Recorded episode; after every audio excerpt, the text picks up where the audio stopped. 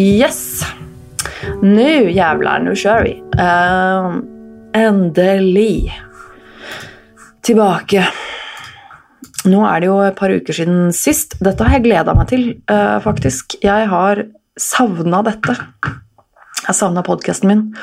Det å gå såpass lenge uten å spille inn en episode, det er ikke noe jeg, er ikke noe jeg liker godt, merker jeg. I hvert fall ikke nå for tida. Jeg uh, har gått litt for lang tid siden sist. Jeg føler at dagens episode blir en lang en. Velkommen, folkens. endelig en ny episode av Nerve. Jeg heter Tone Sabro.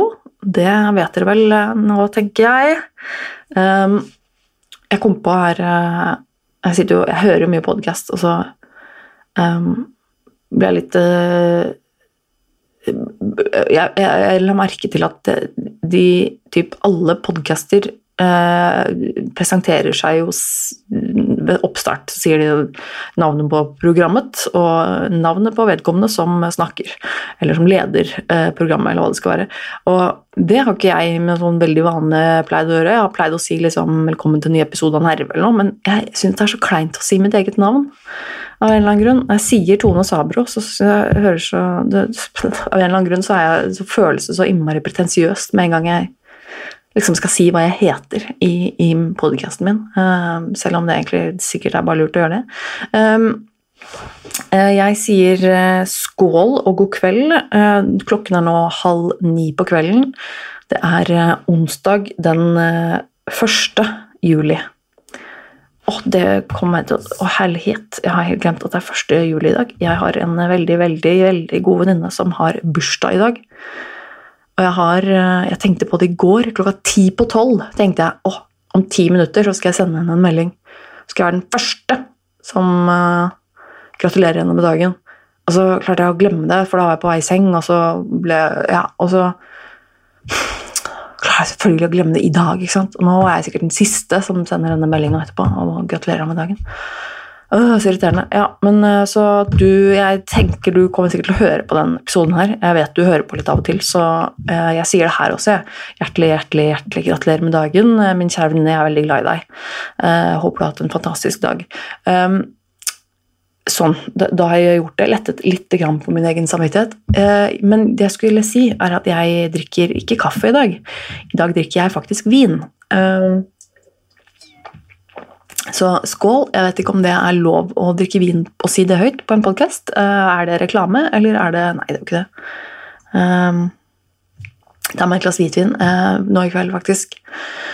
Jeg har hatt en uh, litt sånn uh, dårlig dag. Jeg, de siste par dagene har egentlig vært litt så kjipe. Jeg har vært helt uten, uten inspirasjon og motivasjon til å gjøre noen ting. av videoer. Jeg har til og med spilt inn en video som jeg ikke har orket å begynne å redigere enda. Um, og det føles litt uh, dritt. Men jeg har Det blir jo en slags uh, ond sirkel, men dere vet jo det. At jeg har um, Jeg har jo starta uh, denne patronen min, og jeg har ikke lagt ut så mye Jo, jeg har lagt ut noen bloggposter, det har jeg gjort, men jeg har ikke lagt ut noen flere videoer og sånn i det siste nå på uh, patronen min. Og jeg har litt dårlig samvittighet for det. Um, samtidig så er det liksom Er litt Er det lov å si at man er litt At man er litt skuffa over eh, antall eh, patrons? Er ikke det at er Altså, eh, det er ikke at jeg er skuffa over at jeg har få patrons, jeg skjønner for så vidt at jeg har få patrons, men Eh, nå har det gått eh, ganske mange dager hvor det ikke har skjedd noen endring. Jeg har ikke fått noen nye i det hele tatt i det siste, og det syns jeg er litt kjipt. Jeg hadde liksom håpet at det skulle det skulle eh, plukke seg opp litt, sånn gradvis i hvert fall, men nå har det liksom stagnert på typ Hvor mange er det? 13? Og det er ikke, altså 13 patrons er ikke så mange, det er litt flaut, på en måte. Det er litt sånn, det er litt sånn at jeg kjenner at det er at det Jeg skulle ikke At jeg blir litt flau sånn at det, var akkurat derfor jeg var redd for å starte opp Patron, for det er litt flaut også sånn Og her legger jeg ut uh, masse greier og Oi, Patron, kom og se, og så er det ingen som gjør det, og så har jeg 13 patrons. Det er litt flaut. Um, Samtidig så vil jeg bare understreke at jeg er veldig veldig, veldig takknemlig for at jeg faktisk har 13 stykker som gidder å uh, setter pris på det jeg legger ut her, uh, det jeg lager, uh, som da gjør at jeg får litt betalt for jobben min. Det er veldig kult. Så, og 13 er 13 bedre enn ingenting. Så 100 suksess sånn sett. um, ja, så takk til dere som er mine patrons på patrion.com. Hvis du går inn på patrion.com slash Tone Sabro, så finner du altså min lille side. Eh, jeg vil også minne dere på at, her, at det fins en app også. Patron har en app som er tilgjengelig, som du kan laste ned fra din eh, PlayStore eller AppStore eller hva det er nå enn du bruker. Og Jeg, synes, jeg bruker den en del sjøl. Jeg syns den er egentlig veldig mye greiere å bruke enn å måtte drive og gå inn på eh, i nettleseren og sånn hele tiden. Og Der får du liksom notifications og oppdateringer fra de du abonnerer på. og kan se på ting og lese ting og høre på ting direkte fra den appen. Så alle dere som bruker Patrion, eller som er patrons til noen, jeg vil absolutt anbefale dere å laste ned Patrion-appen. Eh, da blir det litt lettere å følge med, og ja, de fleste av oss går rundt med telefonen stort sett eh, eh, mer enn en PC. Ja, så For det, de av dere som ikke vet hva Patrion er, så er ikke det så rart at du ikke vet det. For det er ikke så veldig stort i Norge, har jeg for meg. Um, det er, eh, la oss si det sånn, eh, at det er en side hvor jeg kan legge ut ting jeg lager. Der legger jeg, legger jeg ut altså bonusepisoder av denne podkasten. Eh, de som det jeg kaller for bloggcast, de ligger nå bare på Patrion min. Får på det laveste nivået. Det er tre forskjellige nivåer på, på dette. Eh, som vil la si at du betaler tre forskjellige beløper hver måned, som går rett til meg. Som er da en slags eh, Ja, betaler rett og slett for det, den jobben jeg gjør. Da er det eh, Uh, hva jeg skal si? Jo, uh, det er bloggcast uh, der. Jeg legger ut noen videoer som jeg ikke legger ut på YouTube-kanalen min. jeg legger ut noen bloggposter. Jeg har faktisk begynt å blogge der, av alle ting. Jeg trodde ikke jeg skulle bli en blogger, men nå har jeg plutselig begynt å blogge. jeg skal ikke skryte på meg noe fryktelig lange innlegg, men jeg skriver nå i hvert fall litt. Um, og legger ut noen bilder og litt sånne ting. jeg har også noen planer som på sikt til hva jeg har lyst til å gjøre der. Um, og så er det jo denne livestreamen da jeg har eh, hver søndag sammen med min eh, samboer Gunnar. Vi har en samboerprat, som vi kaller den, hver uh, søndag. Det er for, for de som er på nivå nummer to og tre inne på min Patreon. Uansett, det var det jeg skulle si om Patreon i dag. Um, og spør meg gjerne om det, eller kom med tips og, og forslag og sånn. Hvis det er noe dere har lyst til å se der, eller hvis du lurer på noe angående min Patron, så gjør gjerne det. Altså. Jeg svarer uh, velvillig. Um, men ja, jeg, må ha Jeg må drikke litt av den vinen min. Um, jeg har hatt en, uh, for jeg har hatt en ganske kjedelig dag i dag. Jeg har, jeg har ikke gjort en dritt i dag. De siste dagene så har jeg egentlig bare følt for å sitte ute på balkongen i eggstolen min og ikke gjøre en dritt, bare høre på podkast og drikke kaffe. Det er det eneste jeg har lyst til å gjøre. Eh, og meste av tiden med Kyla, min lille hund, i fanget mitt. Hun har eh, lagt på seg en sånn vane i det siste at hun liker å ligge i fanget mitt og sove. Og det er veldig, veldig koselig. Um, så jeg har, jeg, jeg har, tilbrakt mange timer i den eh, flytende, svevende eggstolen ute på balkongen i det siste. Um, veldig deilig, men samtidig så får jeg jo bare veldig dårlig samvittighet, for at jeg gjør jo ikke en dritt, og det føles jo ikke så veldig bra. Og det er bare at jeg har ikke noe Jeg har ikke noe, ass. Jeg er litt tom. Liksom, I dag så er jeg litt grinete. og jeg har egentlig bare kjeda meg hele dagen. Vært, eh, det eneste jeg har gjort, er å passe på Kyla. Eh, min samboer Gunnar har vært veldig opptatt på jobb i dag, hatt mye å gjøre. Så det har liksom vært jeg som har måttet passe på Kyla. Og når jeg er i en sånn, sånn type uh, state of mind, for å si det sånn, da, som jeg er nå i dag, så blir det litt som en sånn fengsel, for da føler jeg at da føler jeg at dagen min består i å passe på henne. Uh, uten at det nødvendigvis stemmer. Jeg kan gjøre masse greier med henne også, men det er liksom bare den, jeg får den, den holdningen til livet på sånne dager at eh, jeg kan jo ikke gjøre noen ting. Jeg blir bare et fengsel. Jeg må bare passe på den bikkja her, og så må jeg se på henne hele tiden. For hvis hun må tisse eller bæsje, så må jeg løpe ut med henne og gå turer, og hvor lenge er det siden sist, og når skal hun ha mat, og ditt og datt. Og det, selvfølgelig, det er jo en jobb med valpen, men noen dager så bare merker jeg veldig godt den jobben. Og eh, det er litt slitsomt, må jeg nok innrømme, ja. Um, men eh, jeg har jo da uh, som sagt ikke laget podkast på et par uker. Eller forrige uke så ble det jo ikke noe podkast-episode. Um, og jeg var litt usikker på denne uka her pga. at Moderne Media som produserer denne podkasten, skal jo ha litt sånn feriestengt. Uh, men de jobber ut denne uka her, så da var det greit å lage en episode i dag. Selv om det teknisk sett er eh, juli og sommerferie for dem. Eh, men det betyr jo da altså at eh, fra neste uke så er rett og slett moderne media stengt. Og det betyr at enten så blir det ikke noe podkast fra meg, eller så må jeg fikse alt sjøl. Det kan jeg gjøre. Er, jeg har muligheten til å legge ut episoder sjøl. Men det blir, altså det blir, litt, det blir litt mer jobb for meg. Jeg må mikse den sjøl og liksom fikse den og sånn. Um, alt med lyd og laste opp ferdig. Um, det er, men det er ikke umulig. Så jeg, og hvis denne siste uka, to ukene her har vært noe bevis, så kommer jeg jo ikke til å klare å gå hele juli uten å lage noe. Så vi får se. Uh, hvis ikke så kan jeg jo friste dere med Patrion, da. um, at jeg uh, kommer nok til å muligens uh, prioritere å legge ut noe på Patrion. Hvis det blir lagt ut noe. Så det kan kanskje lønne seg å følge med der. Å, ai, ai, ai. Jeg føler at jeg ikke har kommet i gang med episoden engang. Um, jeg eh, snakket jo om sist gang at jeg, har, eh, at jeg tror jeg har fått pollenallergi. Og jeg har, jo, jeg har jo vært eh, hos legen. Um, nei, jeg vil ikke installere noe update nå. Later, takk. Gå vekk.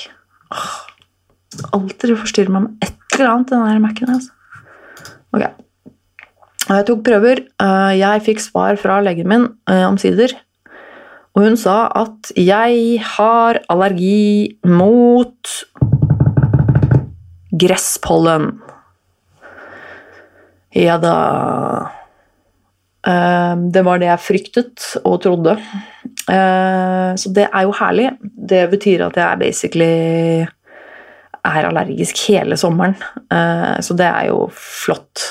Men jeg fikk jo medisiner og litt sånn, så det er blitt bedre, det er det.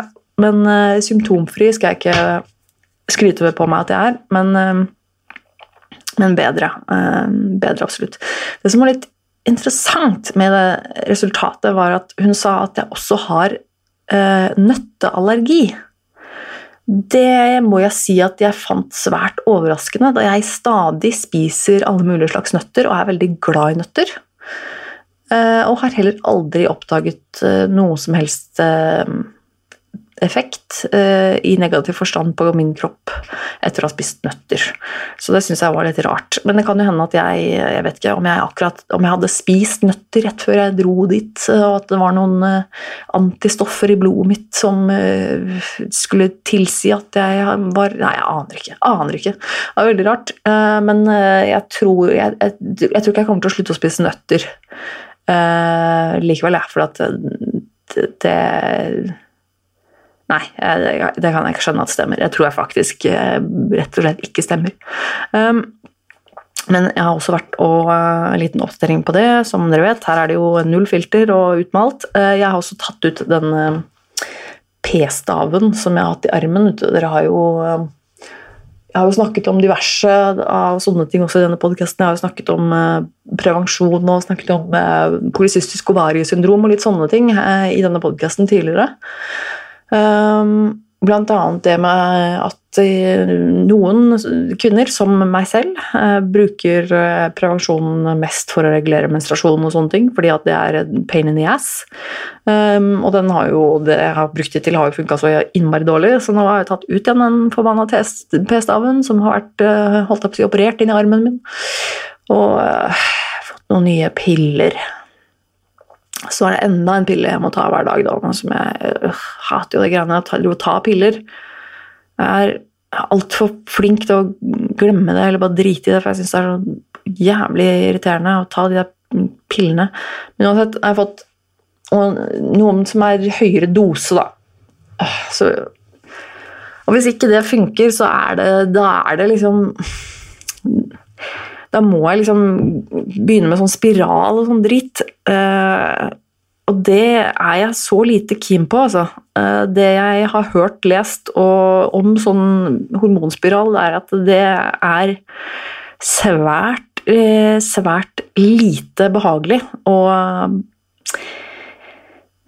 å få plassert inn i livmora, for å si det sånn. Så nei, jeg har ikke, jeg har ikke lyst til det. Men eh, vi skal ikke ta den sorgen på forskudd. Vi satser på at de nye pillene funker. Eh, og det er eh, Så det. Så det, eh, det var litt sånn allergi og litt sånne ting, og småting og ditt og datt. Eh, ja, rett og slett hos legen. Eller så gikk det greit hos legen. Jeg har ikke sett fastlegen min på en god stund nå. Hun liker jeg faktisk veldig godt, så det var jo egentlig ganske hyggelig å se henne igjen. Men her Og så har jeg vært i men jeg har jo virkelig merka det nå, etter at jeg flytta ut hit, eh, nærmest på landet. Kanskje litt å ta i å kalle Haugenstua for landet, men eh, det føles jo litt sånn for meg. Det er jo litt utafor Oslo bysentrum enn det, det jeg er vant til. Men her er det jo mer av alt, og det merkes. Her er det jo mer pollen. Og det er mer av insekter og edderkopper og Uh, alt som jeg helst heller ikke vil ha. Å, seriøst? Åh, unnskyld. Ja, hva var det jeg sa? Alltid noe pling Et eller annet. Ok.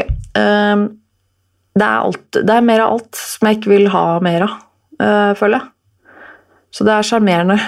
Um, jeg har vært i um, familietreff siden sist. Jeg, min, min mormor har eh, fyller 90 år i år. Og dette var noe som min familie da ønsket å feire, naturlig nok. Eh, og det ble feiret hjemme hos mine foreldre. Eh, og jeg var jo invitert og tenkte at ja, men det er jo greit, det.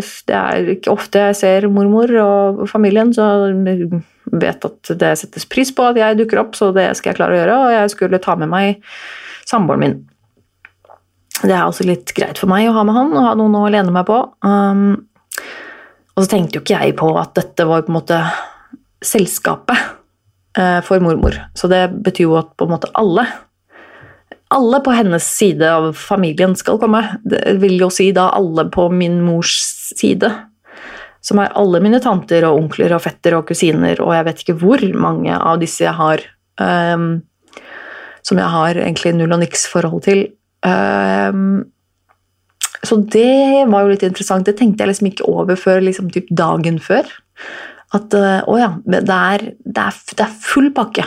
Det er totalt uh, stappfullt av mennesker. Det er det det blir. Uh, og det um, jeg er nesten glad for at jeg ikke visste det før sånn type dagen før, for da fikk jeg liksom ikke så innmari mye tid til å drive og tenke på det.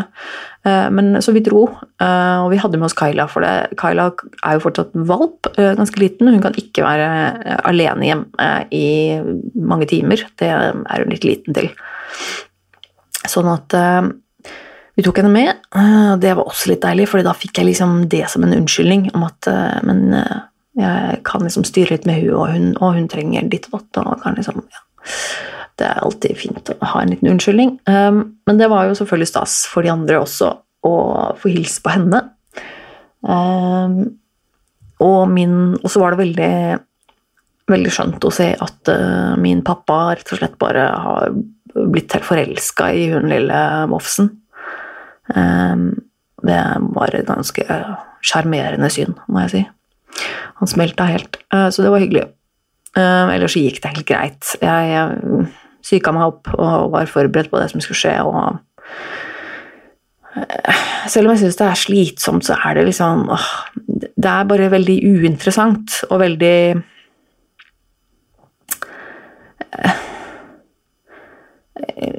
greit, liksom. Det er sånn, ja, det er greit. Det, er, det som er fint sånn sett med den familien, er jo at de er veldig sånn joviale folk. Eh, så alt er tilsynelatende veldig sånn enkelt og greit, og det er veldig sånn enkelt å prate med. og 'Åssen har du det?' og 'Hva er du?' du? Ja, ja, sånn. 'Oi, så fint.' 'Å, hvordan er været?' Og det er veldig sånn.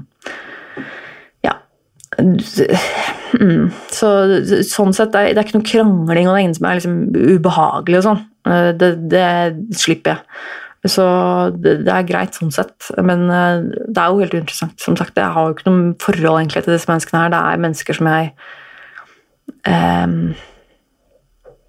Jeg tror de fleste av disse menneskene har jeg vel ikke sett på Tja Fem år, kanskje, hvis jeg skal sånn gjette. Eh, sikkert. Eller kanskje mer, til og med. Ja, du skjønner greia. Eh, det er uinteressant for meg. Eh, det er ikke familie for meg, liksom. Det er, det er slekta og sånn, ja, jeg skjønner det, men det er, familie, det er, ikke familie, for meg. Familien min er for meg samboeren min og hans datter og, og bikkja vår. Det er liksom Det er min lille familie. Um, og det, det merka jeg faktisk veldig godt her forleden også, fordi vi hadde jeg skrev også et innlegg om dette her på Patreon min. Nå skyter jeg meg selv litt i beinet da, med å spoile det. Uh, men uh, jeg gikk eh, vi var, vi, Maja, min bonusdatter, har jo vært her eh, en ukes tid nå nylig. I forbindelse med at hun har jo nå sommerferie. Hun er 13 år, så hun har sommerferie fra skolen. Eh, og en av de dagene så gikk vi en tur, en dag det var veldig fint vær. Vi tok rett og slett og gikk en tur langs Alnaelva. Jeg har ikke gått der før. Det er en liten elv som går på utkanten av uh, Oslo, da. Uh, I Alna-området. Vi tok en liten tur nedover der bare for å kikke litt, og så havnet vi på en liten, liten plen parkgreie med et vannspeil med noen ender, og vi var de eneste menneskene der. Der ble vi sittende under et tre i skyggen og hadde tatt med oss litt mat og hadde rett og slett en liten piknik på et pledd der. Og det var um, Det var Og da satt vi der. Jeg spiste litt lunsj. Jeg hadde kjøpt med meg et rundstykke og som jeg spiste på. De andre hadde kjøpt med seg noe mat som de spiste på, og vi hadde med et bein som Kyla kunne tygge på. Så da satt vi alle tre der Eh, og bikkja med beinet sitt. Og så merka jeg at det var et sånt øyeblikk for meg som, som rett og slett ble ganske viktig. Fordi det er det nærmeste jeg har kjent på en lykkefølelse på veldig lenge. Da var det bare en sånn ro i meg. Og jeg kjente at liksom Jeg har jo disse menneskene her det her er jo min, dette er min familie. Uh, og, det føltes veldig riktig og veldig koselig. og veldig sånn, Det var bare et veldig, veldig fint øyeblikk. Uh, et perfekt øyeblikk, rett og slett. I liksom sol og fint vær på sommeren. Uh, vi hadde ingen store planer resten av dagen. Det var helg, det var ferie. Typ, og vi satt der med, helt fin, middelmådig god mat eh, på en piknik ute og hadde med oss en bikkje som var glad og oppførte seg ordentlig, og alle var liksom fornøyde. Og det var liksom eh, Ja, det var, det var rett og slett litt ro i sjela mi. Og det var uh, ufattelig deilig. Så har vi også vært uh, en tur um, hos familien eh, til samboeren min eh, på Sør-Vestlandet, der han kommer fra. Vi var der en uke Nei, vi var ikke der en uke, vi var der i tre netter. Vi hadde leid bil, så vi kjørte dit. Um, tok med oss Kaila i bilen, og det gikk veldig bra. Og det var veldig hyggelig å se dem igjen. Så det også kjente jeg at det var noe jeg nok trengte. Komme meg dit litt og bare være ikke hjemme og se noen andre folk og bare Ja, rett og slett bare ha det hyggelig. Um, jeg um, uh, Skal vi se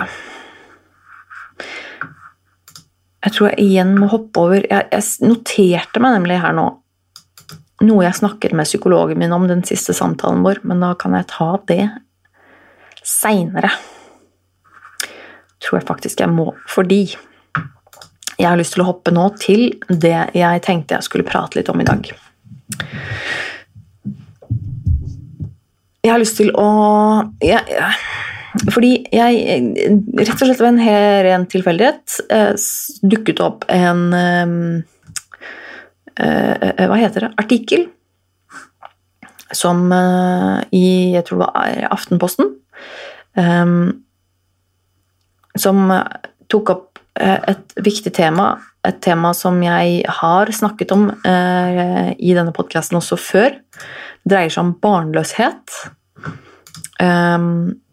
Og hvis du har lyst til å høre på meg snakke om det, så er det vel hovedsakelig den Jeg uh, skal bare se hvilket nummer det er på den. Uh, jeg laget nemlig en episode for en liten tid tilbake som het Hemmelig sorg. Det er nummer 34. Um, og da snakker jeg om nettopp det med eh, barnløshet, og hvordan det har vært en sorg for meg i mitt liv å måtte takle.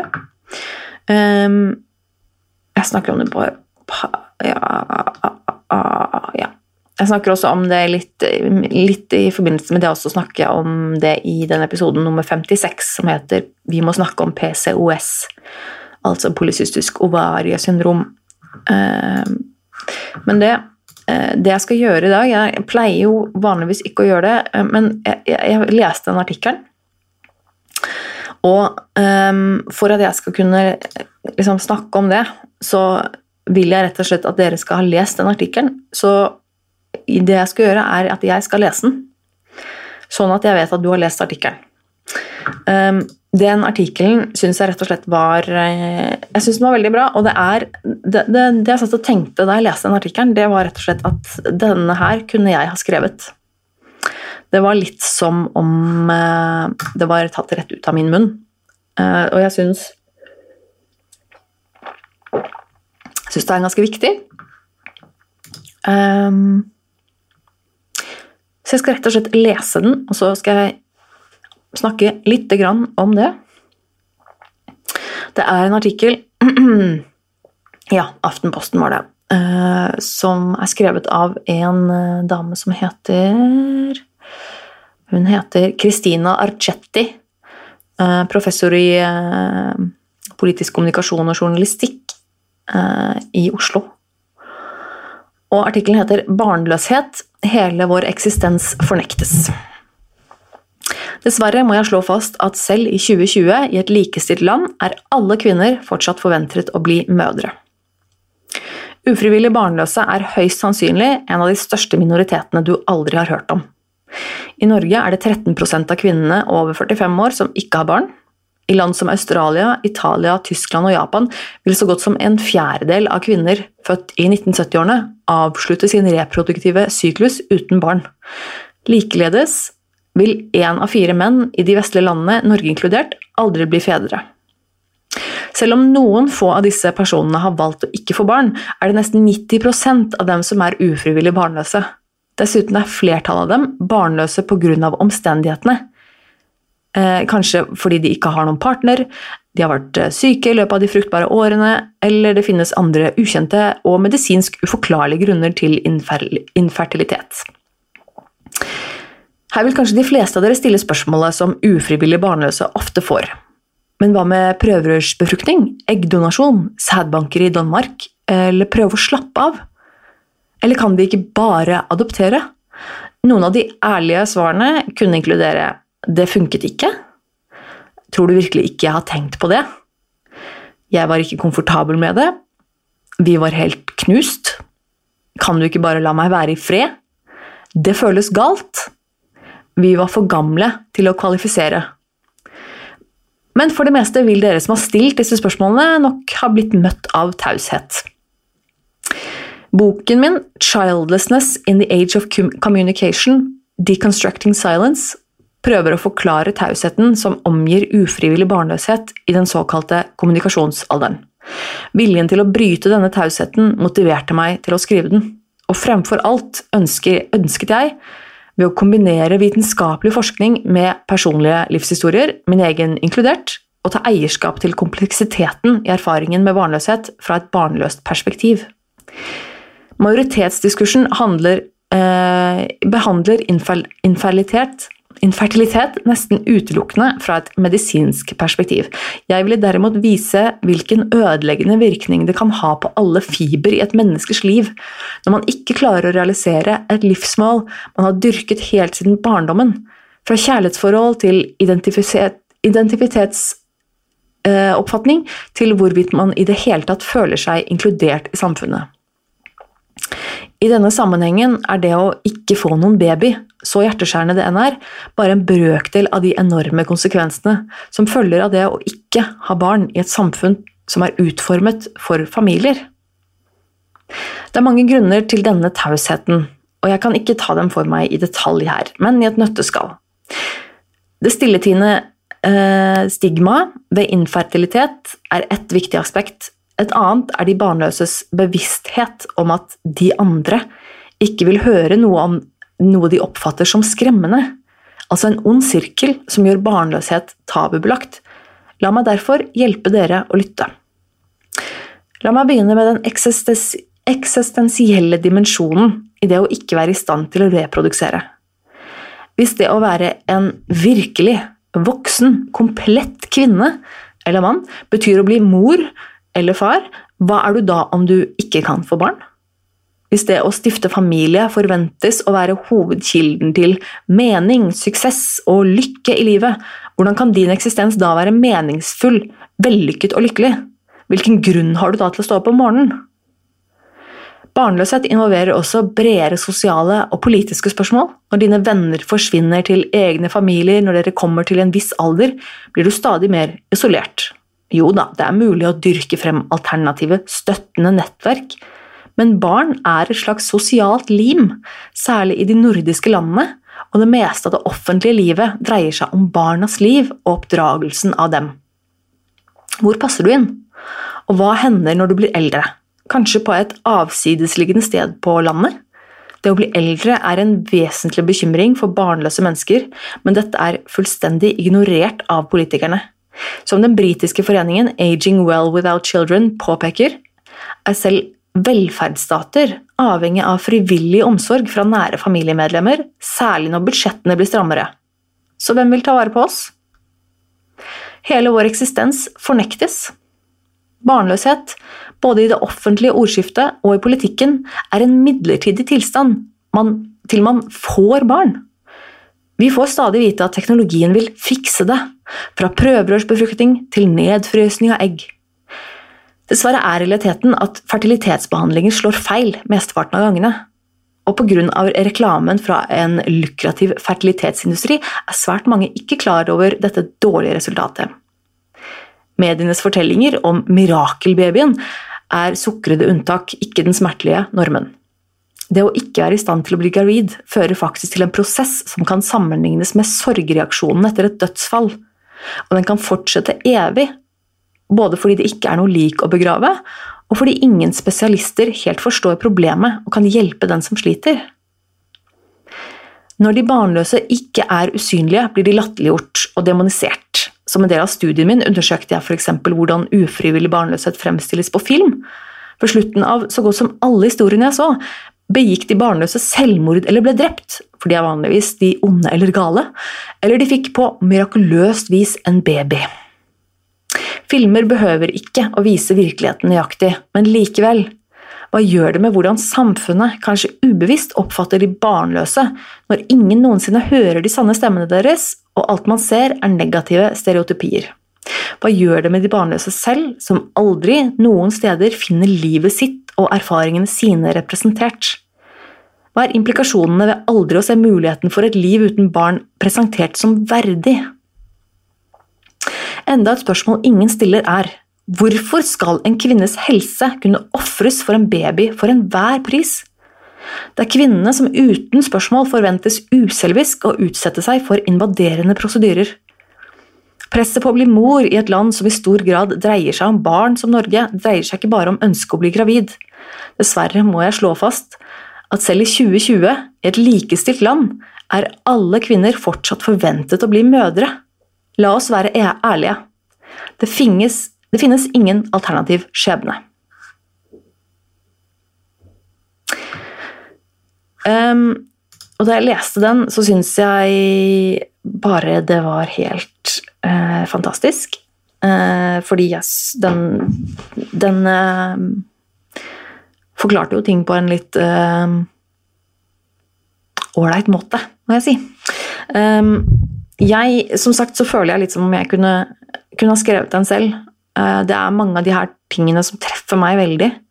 Mange av de tingene jeg har tenkt på og følt på selv veldig, veldig mye. Og som jeg også har møtt veldig lite forståelse for. Det er um, noe som ofte ikke blir tatt på alvor. Det kan faktisk være en, en helt reell sorg. En virkelig en sorg som er Um, og jeg skjønner godt at hun skriver her at det kan sammenlignes med, med den samme sorgen etter et dødsfall, fordi, fordi, at du har faktisk mistet noe.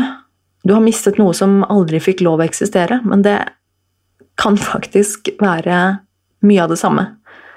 Um, når det er noe du har uh, ønsket og planlagt og tenkt på en måte og tatt som en, nærmest som en selvfølge siden man var liten, at man vil ha en familie og sånn. Noe som for de fleste bare er en uh, holdt jeg på å si en bagatell. Ikke en bagatell at barna er det, men, men at det å få barn, da, det å bli gravid, er liksom bare en, en selvfølge. At det er liksom bare en noe man, noe man må planlegge. Annet enn det så er det liksom og det er, jeg har jo blitt møtt med det, med det selv også. Det har vært um, stort sett et tema jeg har unngått for enhver pris, for jeg syns det har vært ekstremt ubehagelig å snakke om.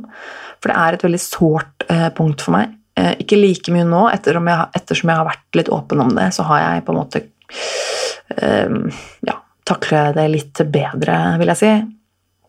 Um, men Eh, det var jo sånn for meg også. Jeg fikk jo disse spørsmålene eh, tidligere, spesielt da jeg var gift. Da. Og begge mine søsken har jo barn, um, og da blir jo det naturlige spørsmålet liksom, ja, men når, når, skal dere når skal dere få barn, da? Er det deres tur nå, eller? Uh, de tinga der. Og det er um, En ting er å få det spørsmålet. Det må man nesten forvente at man får på et eller annet tidspunkt, eh, dessverre. Men så er det også noe med det, det man får til svar. Og jeg har jo blitt møtt av liksom mm, familie og sånn, som har spurt eh, om dette her, hvor jeg da etter hvert har Istedenfor å bare liksom dodge spørsmålet, bare unngå det og liksom prøve å roe meg vekk, så har jeg liksom faktisk svart at uh, Nei, jeg tror tror faktisk ikke vi kan få barn. Dessverre.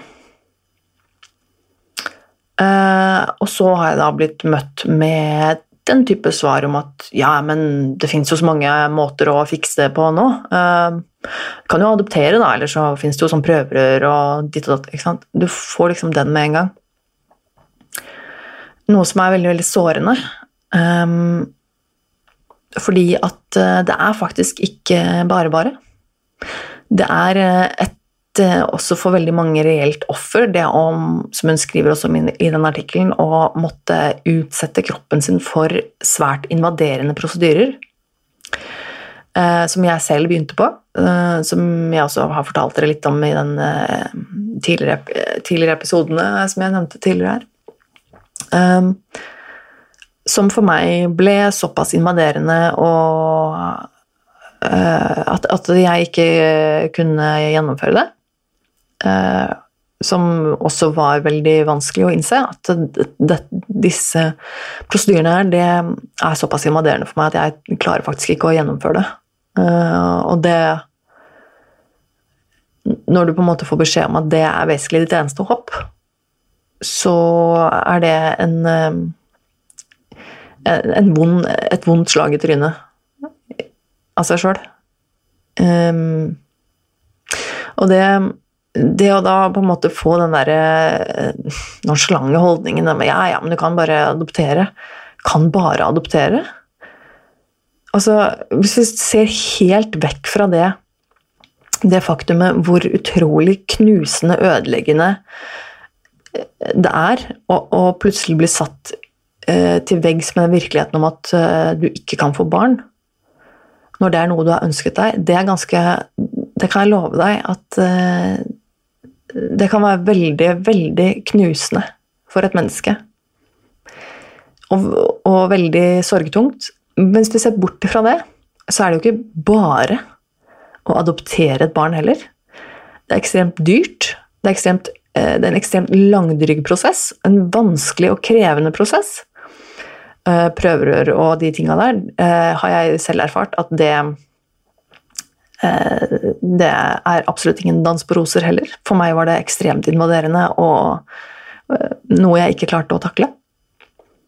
Eh, dra til Danmark for en, for en sædbank og Altså Det er ikke bare bare. Det er faktisk ganske krevende, for å si det mildt. Og det Og oppi dette her så skal man jo stå til og med kanskje alene, enkelte eh, kvinner eller menn som, som er alene, må stå oppi dette her eh, og takle eventuelt en sånn prosess alene, i tillegg til å takle den, den sorgen som ligger i bånn i utgangspunktet, om at du har fått beskjed om at for deg går det ikke. For deg går ikke det som for alle andre er en selvfølge. Um, det er et hardt slag, altså. Det er det virkelig. Og så er det jo noe med det Jeg liker at den, den artikkelen her setter litt lys på det. Rett og slett fordi at det er Det er mange. Det er mange av oss som ikke kan få barn. Og det er ikke sånn at selv om du faktisk eh, velger å, å, å, gå gjennom de invaderende prosedyrene, så betyr ikke det heller at det funker. Uh, som hun skriver her Nå er jeg litt usikker på akkurat liksom, prosenter og statistikk her nå, men de fleste forsøkene funker jo ikke. Uh, og da kan du tenke deg at hvert eneste forsøk da, som ikke fungerer, uh, blir jo et slag. og i tillegg så har du jo bare et visst antall med forsøk som er sponset av staten, for å si det sånn. da. så klarer du ikke å bli gravid da, på tre forsøk, så må du faktisk betale det selv gå privat og betale for det selv. Um, det er Det er faktisk um, ganske, ganske jævlig. Og, er, og så er det noe med at det er noe som påvirker resten av livet ditt. Det er ikke noe som er trist akkurat her og nå. Det er faktisk noe som jeg og andre som meg er nødt til å leve med for alltid. Um, det er ikke et midlertidig problem, som hun poengterer også i denne artikkelen. Det er ikke et midlertidig problem som bare er så Det er et problem til man får barn. Det er ikke det. Det er faktisk ganske mange av oss som må leve med det her resten av livet. Uh, og det Jeg tror det er den tingen som har skremt meg aller mest, og som har gjort um, som også har vært en ting for meg som er veldig veldig vanskelig å takle, det er den tanken på at jeg skal bli gammel uten å ha eh, en familie eller noen etterkommere som kan ta vare på meg. Selvfølgelig er det dritskummelt og vondt å tenke på. Det er eh, det er noe jeg ikke, mildt sagt, ikke ser fram til. Og jeg som i utgangspunktet da ikke ville bli gammel Jeg, hadde jo planer om å være dau for lenge siden. Det er jo noe vi har snakket mye om i denne podkasten her. Um, jeg hadde jo ikke lyst til å leve. Jeg har i utgangspunktet store problemer med å, det å være i live. Men det også da måtte bli gammel, men bli gammel alene Det syns jeg høres helt for jævlig ut. Og det, det tenker jeg fordi at Ja, altså jeg har jo en samboer, og hvis alt går som øh, vi ønsker, så, så, blir vi sammen resten av livet, liksom. Det er jo det vi ønsker sånn her og nå. Um, man vet jo aldri hva som skjer i fremtiden, men, men, la oss si at vi blir gamle sammen, da, så er likevel sjansen veldig stor for at han kommer til å dø før meg, for han er Han er 14-15 år eldre enn meg. Um, som er uh, ikke så, Som ikke har så mye å si akkurat nå, men som plutselig kan ha ganske mye å si når man blir gammel. Uh, han har jo riktignok også en datter som betyr mye for han og meg, for så vidt. Og selvfølgelig fortsetter vi å være sammen resten av livet, så kommer vi helt sikkert til også til å få et, eh, et, fortsette å ha et nært forhold til datteren hans. Men jeg har ikke noen garanti for at hun skal ta vare på meg. Altså, jeg er kun en, en bonusmor for henne. Det utgangspunktet ingen forpliktelse for henne å drive og ta vare på meg når jeg blir gammel. Om, også, og Hvis faren hennes er død, så, så er det bare meg, så er det ikke sikkert hun er så jævla keen på å ta vare på meg. Um, I tillegg så vet jeg ikke om hun da bor i nærheten i det hele tatt, for akkurat nå så bor hun på en annen kant av landet. Og det og tanken på da at jeg skal sitte igjen helt alene det Det får meg til å revurdere litt hele den der eh, beslutningen jeg tok om å fortsette å leve, liksom. altså Det er en ganske jævlig tanke. Og det er ikke noe jeg har valgt. Jeg har ikke valgt å ikke få familie og barn og sånn. Um, men det er noe jeg må leve med. Og likevel så er det på en måte Og det er, det er mange av oss. Det er mange, mange, andre som meg, enten kvinner eller menn. Og, og, så er det ingen som bryr seg, um, tilsynelatende. I hvert fall ikke i vårt samfunn. Fordi, som hun også skriver i denne artikkelen, at det, samfunnet vårt er veldig bygget opp rundt det å ha barn. Uh, barn er ofte det sosiale limet. Det er de som eh, holder oss sosiale, det er de vi har til felles med andre på vår, eh, vår alder. Vi har noe, noen å snakke med, noe å snakke om, eh, noen å oppdra. Vi har noe til felles, den fellesskapsfølelsen. Um, og det er jo veldig Det er veldig det samfunnet vårt er bygget opp rundt. Det er den familie, familielivet. Og ikke minst de forventningene de forventningene som ligger eh, da spesielt kanskje hos kvinner, da, om at man skal jo bli mor. Om alle, alle kvinner har lyst til å bli mødre. Liksom. Den, den selvfølgen er alle, alle, alle, damer vil jo ha barn. Alle damer skal bli mor. Eh, det Og selvfølgelig så fins det dem også som ikke har lyst til det. Det er også en ting jeg har nevnt til denne podkasten, og det blir jo et tabu i seg selv, det å være en av de som ikke, faktisk ikke har lyst på barn. Da blir det også sett rart på. Men det å være ufrivillig barnløs um, Det er um, ganske Det er ganske kjipt, da, for å si det sånn. Um, jeg har nok Jeg har nok mer jeg, jeg takler nok det bedre nå enn det jeg gjorde for noen år siden. Um, men eh, jeg merker jo at det fortsatt er noe jeg jobber med. Det er jo fortsatt en sorg som er der. Eh, og noe jeg fortsatt jobber med å akseptere. En, det er fortsatt en tanke som er veldig fremmed for meg, på et vis. Ehm, jeg har jo Jeg ønsket meg barn fra veldig tidlig alder. Ehm, det å eh, liksom da måtte se seg sjøl i, i speilet og si at ok, nå er du faktisk over 30 Eh, og hvis jeg skal ha noen som helst sjanse for å få barn, så må jeg gå gjennom en invaderende prosedyre som viste seg å faktisk bli for mye for meg. Eller så må jeg adoptere. Eller så må jeg Ja, si hva du vil, holdt jeg på å si. Men, men er, poenget er at det, det, kommer nok ikke til å skje. Og jeg ønsker at eh, Jeg ønsker ikke at du skal synes synd på meg. Jeg ønsker ikke at du skal liksom eh, eh, å, stakkars deg, og huff, og gi, det, og gi meg en klem og gråt med meg. Det er ikke det jeg snakker om, men bare, bare anerkjenn det. Ikke gi meg sånne eh, dumme fraser om at 'ja, men du vet jo aldri', du er jo bare par og 30. Kan jo hende at eh, ting endrer seg, ikke sant? Vet jo aldri Kanskje Altså, please. Ikke snakk ned til meg på den måten der.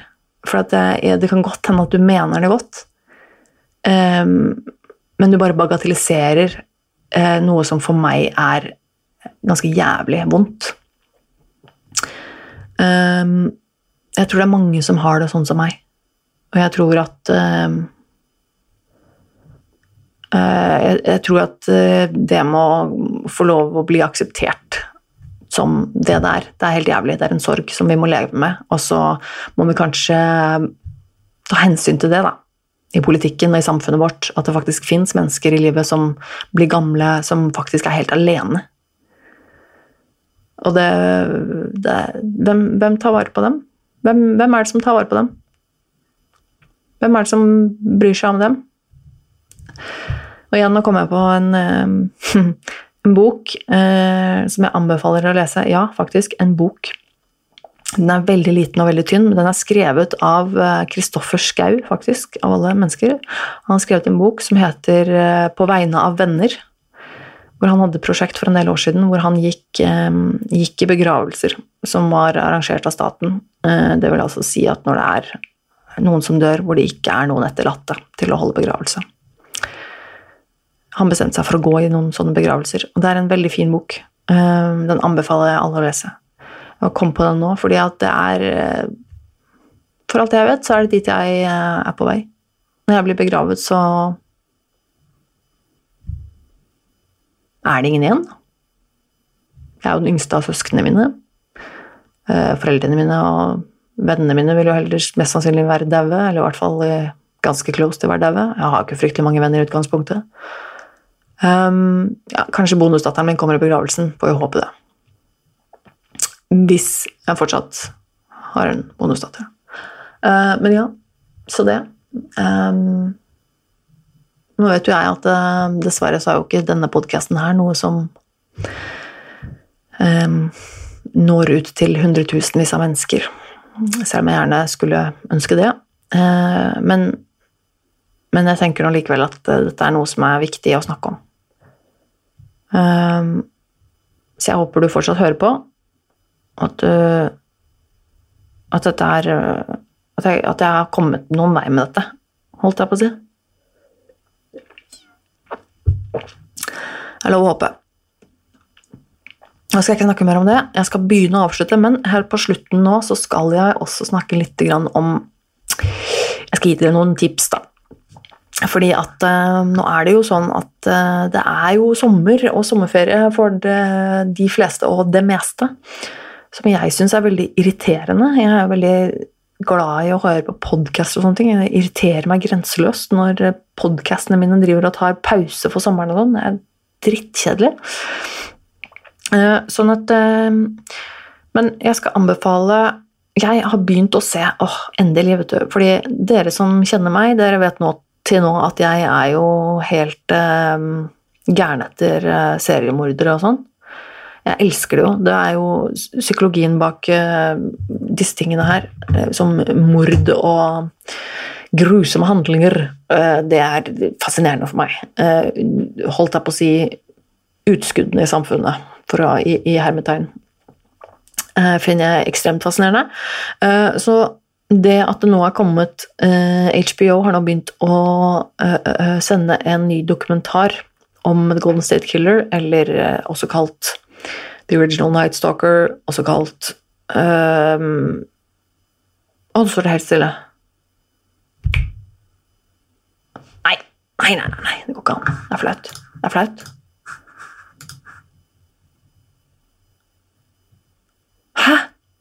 Kødder du med meg? Åh, det var flaut. Nå husker jeg ikke hva Ja. Han D'Angelo, eh, som nå eh, faktisk er tatt og har innrømmet veldig nå nylig typ, at han har faktisk drept disse menneskene. Uansett. Uh, seriemorder og serierapist. East Era Rapist, selvfølgelig. Oh, Jesus. Um, Uh, se den. Dokumentaren ligger på HBO. eller Den første episode har kommet ut. Den heter I'll Be Gone in the Dark. Og den er basert på Michelle McNamaras uh, bok, for hun bare tok et sinnssykt dypdykk ned i den saken, på lik linje med det jeg sikkert hadde gjort sjøl hvis jeg hadde hatt de skillsa som hun har. Eller hadde. Hun er dessverre død.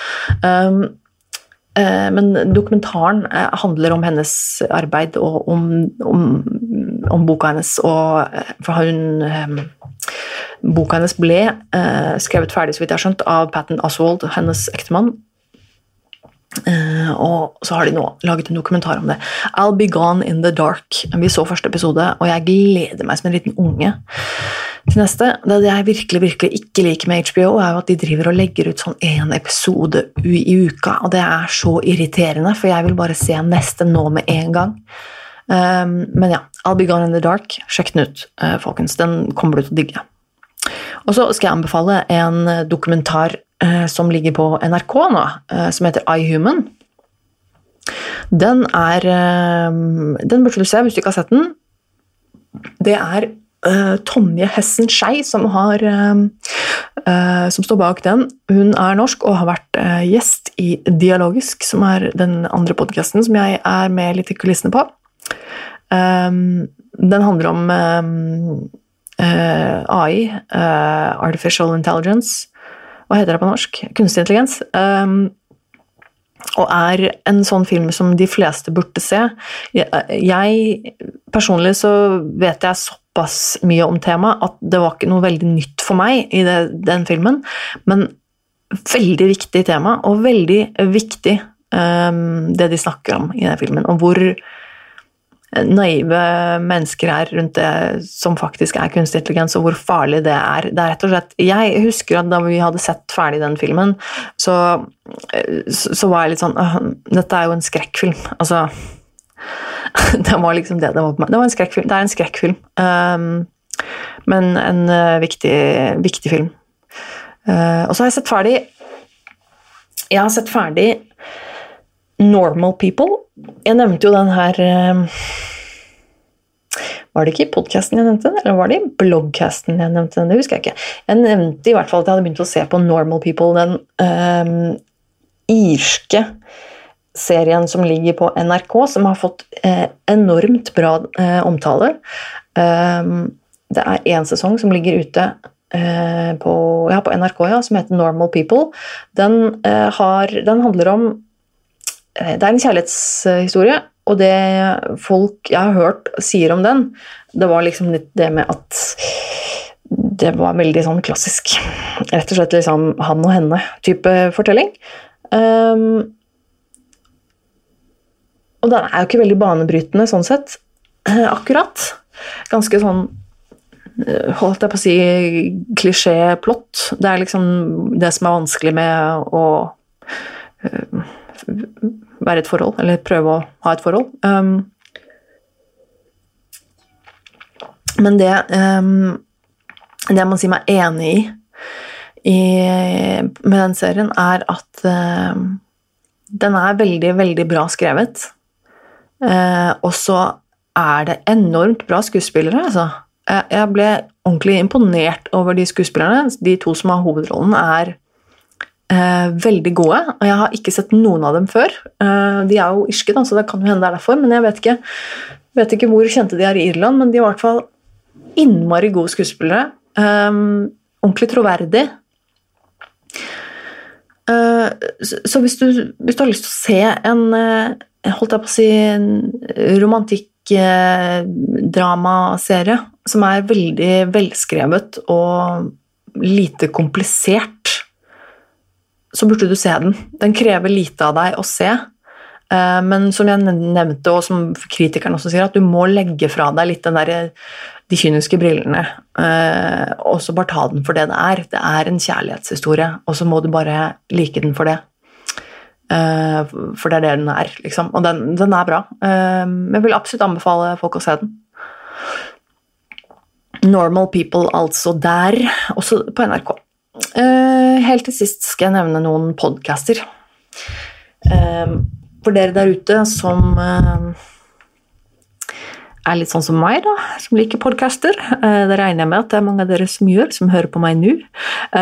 Jeg har funnet en eh, podkast eh, Jeg har nevnt tidligere også at jeg er veldig fan av Louis Theroux.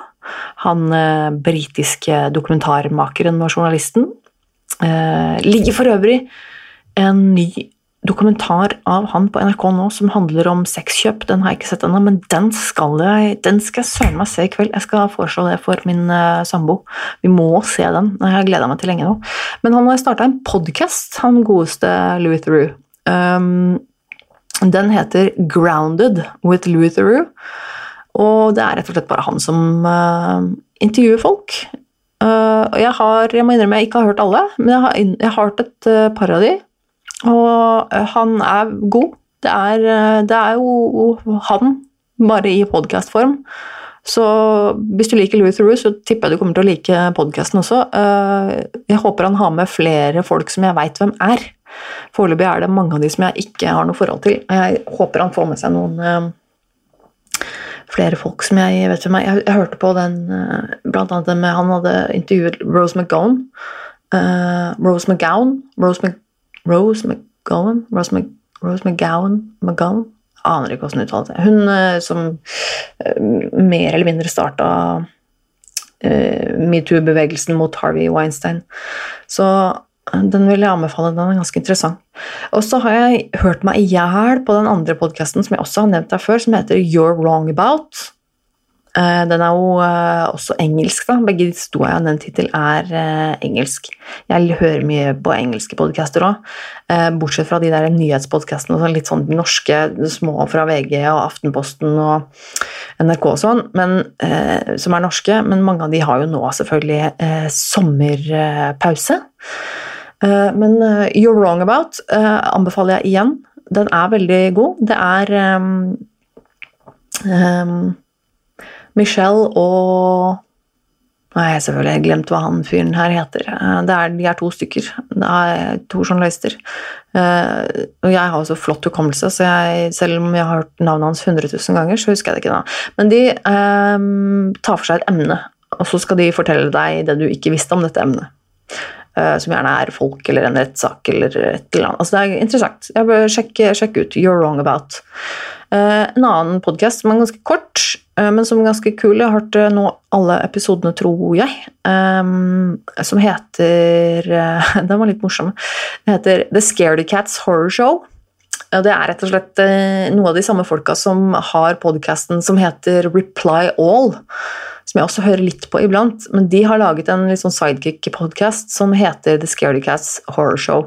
Som rett og slett de lagde fordi han eh, ene eh, som eh, er med i dette teamet, han er kjemperedd for å se på skrekkfilmer. Han hater skrekkfilmer, klarer ikke å se på det, vil ikke, men innser at han nok kanskje har gått glipp av en del ting. Så det som på en måte ble opplegget da, ble at de skulle se eh, Jeg tror det var fem eller seks eh, forskjellige skrekkfilmer skulle han se, og så skulle de snakke om det etterpå. Um, så, og det er jo selvfølgelig ekstra gøy hvis du faktisk har sett de filmene som det er snakk om. Um, og det hadde jo jeg, for jeg elsker jo skrekkfilmer.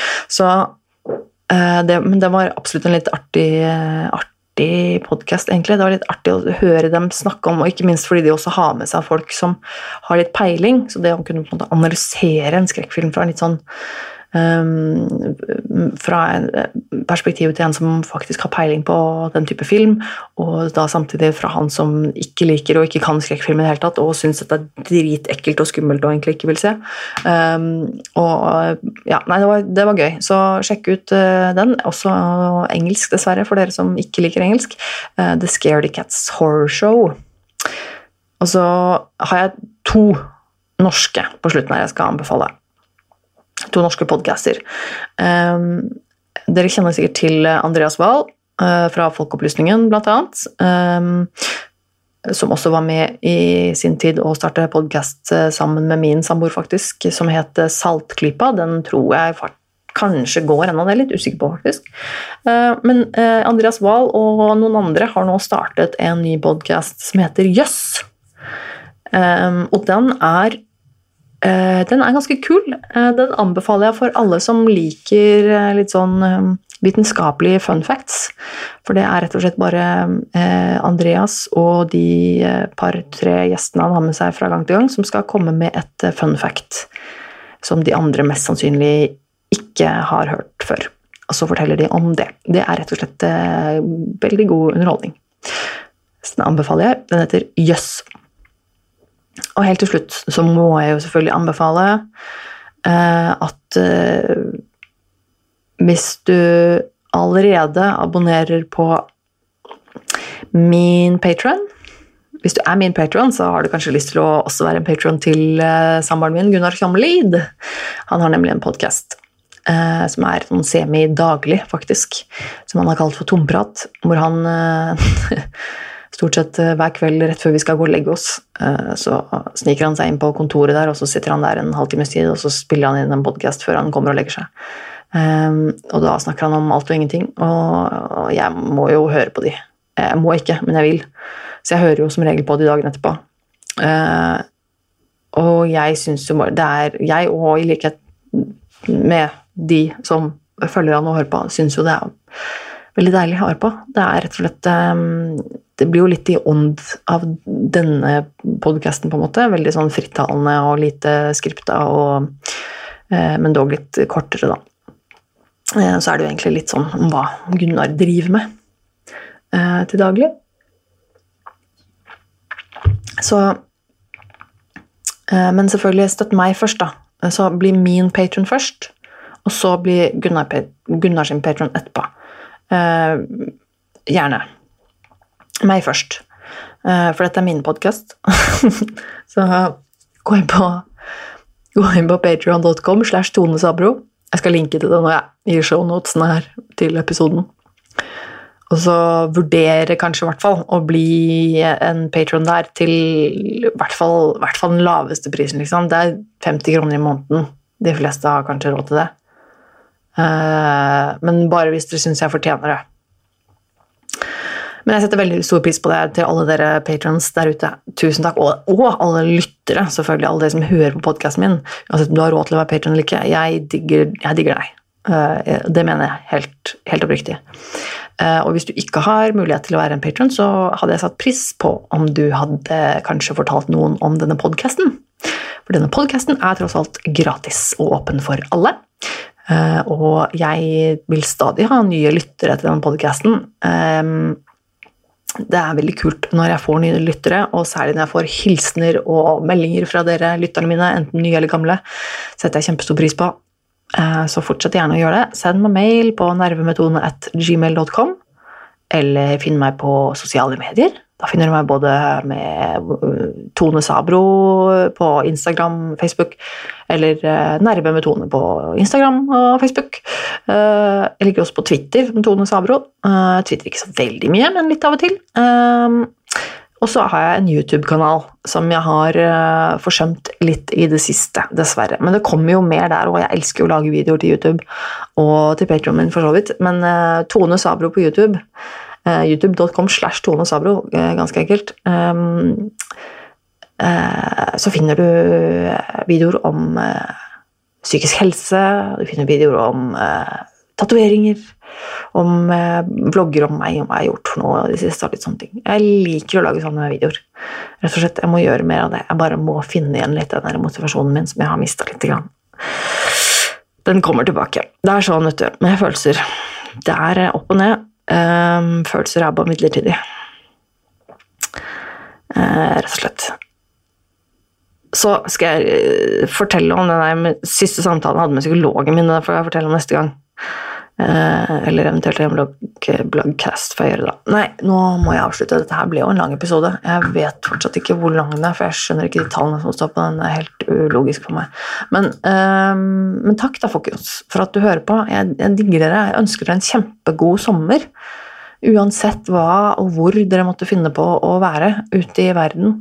Um, jeg, som sagt, så håper jeg at jeg fortsetter å legge ut litt greier her i løpet av sommeren, selv om uh, produksjonsselskapet mitt har sommerferie nå.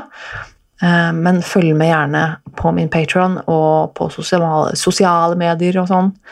Um, så høres vi igjen om ikke altfor lenge, våger jeg meg på å si. Og så ta vare på deg selv så lenge og ha en kjempegod sommer. Husk solkrem! Og husk å ta alle medisinene dine. Ha det bra.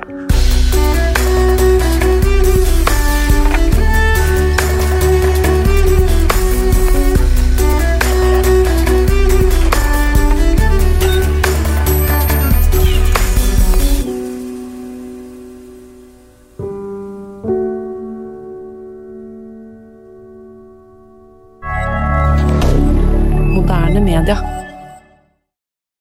Har du et enkeltpersonforetak eller en liten bedrift? Da er du sikkert lei av å høre meg snakke om hvor enkelt det er med kvitteringer og bilag i fiken, så vi eh, gir oss her, vi. Fordi vi liker enkelt. Fiken superenkelt regnskap.